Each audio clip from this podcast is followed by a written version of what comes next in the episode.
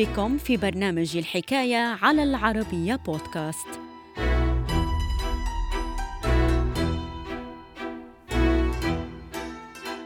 اتجه لينين ورفاقه بداية من العام 1921 لشن حملة ضد الرموز الدينية بالبلاد.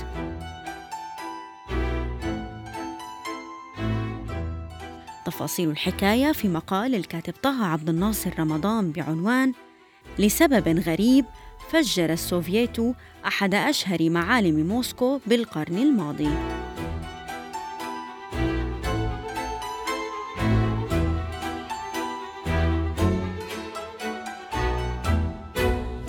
الحكاية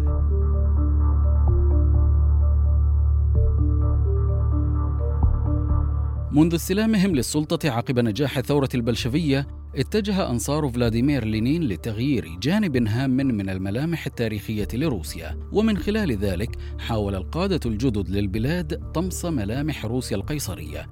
وفي الأثناء تصاعدت وتيرة التخلص من المعالم التاريخية أثناء فترة حكم جوزيف ستالين التي استمرت لنحو ربع قرن وانتهت بوفاته خلال شهر آذار مارس عام 1953 فإضافة لتغييره لأسماء المدن أمر ستالين بهدم العديد من الكنائس والمعالم الدينية ذات القيمة التاريخية الهامة. ومن ضمن هذه المباني التي تحولت لضحايا النظام الستاليني يذكر التاريخ كاتدرائية المسيح المخلص بالعاصمة موسكو Cathedral of Christ the Saviour مع انسحاب نابليون بونابرت من موسكو أصدر القيصر الروسي ألكسندر الأول يوم الخامس والعشرين من كانون الأول ديسمبر عام 1812 بيانا أمر من خلاله ببناء كاتدرائية.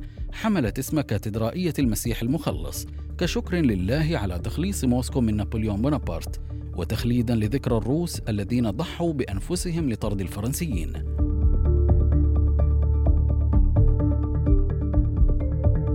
إلى ذلك استغرقت بداية تشييد الكاتدرائية بعض الوقت حيث وافق القيصر ألكسندر الأول بحلول عام 1817 على التصاميم التي قدمها المهندس المعماري ألكسندر فيتبرغ والتي اعتمدت أساسا على تصاميم معمارية نيو كلاسيكية ومع وفاة ألكسندر الأول واستلام شقيقه نيكولا الأول لمقاليد الحكم عام 1825 أمر القيصر الجديد الذي تميز بتدينه مقارنة بشقيقه بوقف أعمال البناء واتجه لتغيير التصاميم عن طريق تكليف المهندس المعماري قسطنطين ثون بتشييد كاتدرائية شبيهة بآيا صوفيا بالقسطنطينية. وعام 1832 وافق نيقولا الأول رسميا على التصاميم المقدمة من قبل قسطنطين ثون لتبدأ بذلك عملية البناء بمكان جديد تميز بقربه من الكرملين.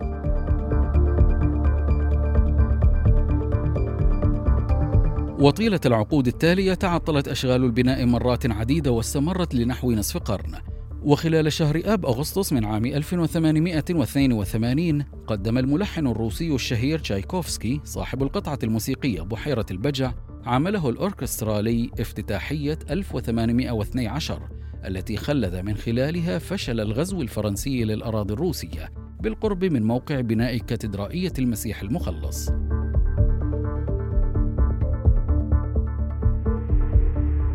مع استلام البلشفيين لزمام الأمور عقب ثورة أكتوبر 1917 اتجه لينين ورفاقه بداية من العام 1921 لشن حملة ضد الرموز الدينية للبلاد وعقب تدمير جانب هام من الكنائس والمعالم التي رمزت للنظام القيصري حل الدور مطلع الثلاثينيات أثناء فترة حكم ستالين على كاتدرائية المسيح المخلص التي اقترح ستالين تدميرها واستغلال موقعها لتشييد ما يعرف بقصر السوفييت.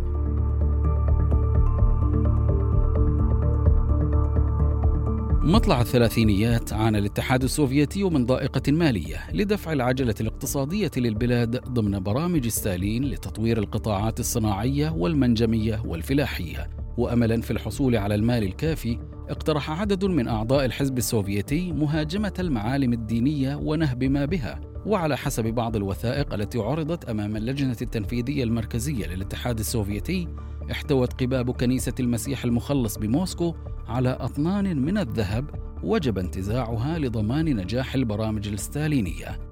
وخلال اجتماع ترأسه ميخائيل كالينين للجنة التنفيذية المركزية للاتحاد السوفيتي يوم الثالث عشر من تموز يوليو 1931 قرر المسؤولون رسميا إزالة كاتدرائية المسيح المخلص وإنشاء قصر السوفييت بدلا منها. وعقب أشهر تم خلالها إزالة الأشياء القديمة منها أقدم الاتحاد السوفيتي يوم الخامس من كانون الأول ديسمبر 1931 على تفجير كاتدرائية المسيح المخلص واضعا بذلك حدا لهذا المعلم التاريخي.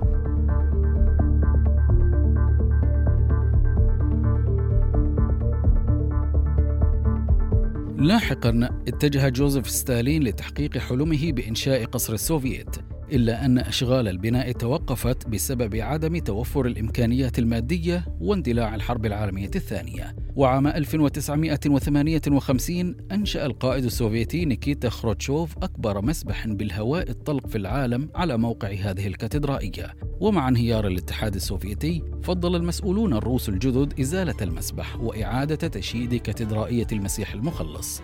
إلى ذلك استمرت أشغال البناء لسنوات واكتملت مطلع القرن الحادي والعشرين.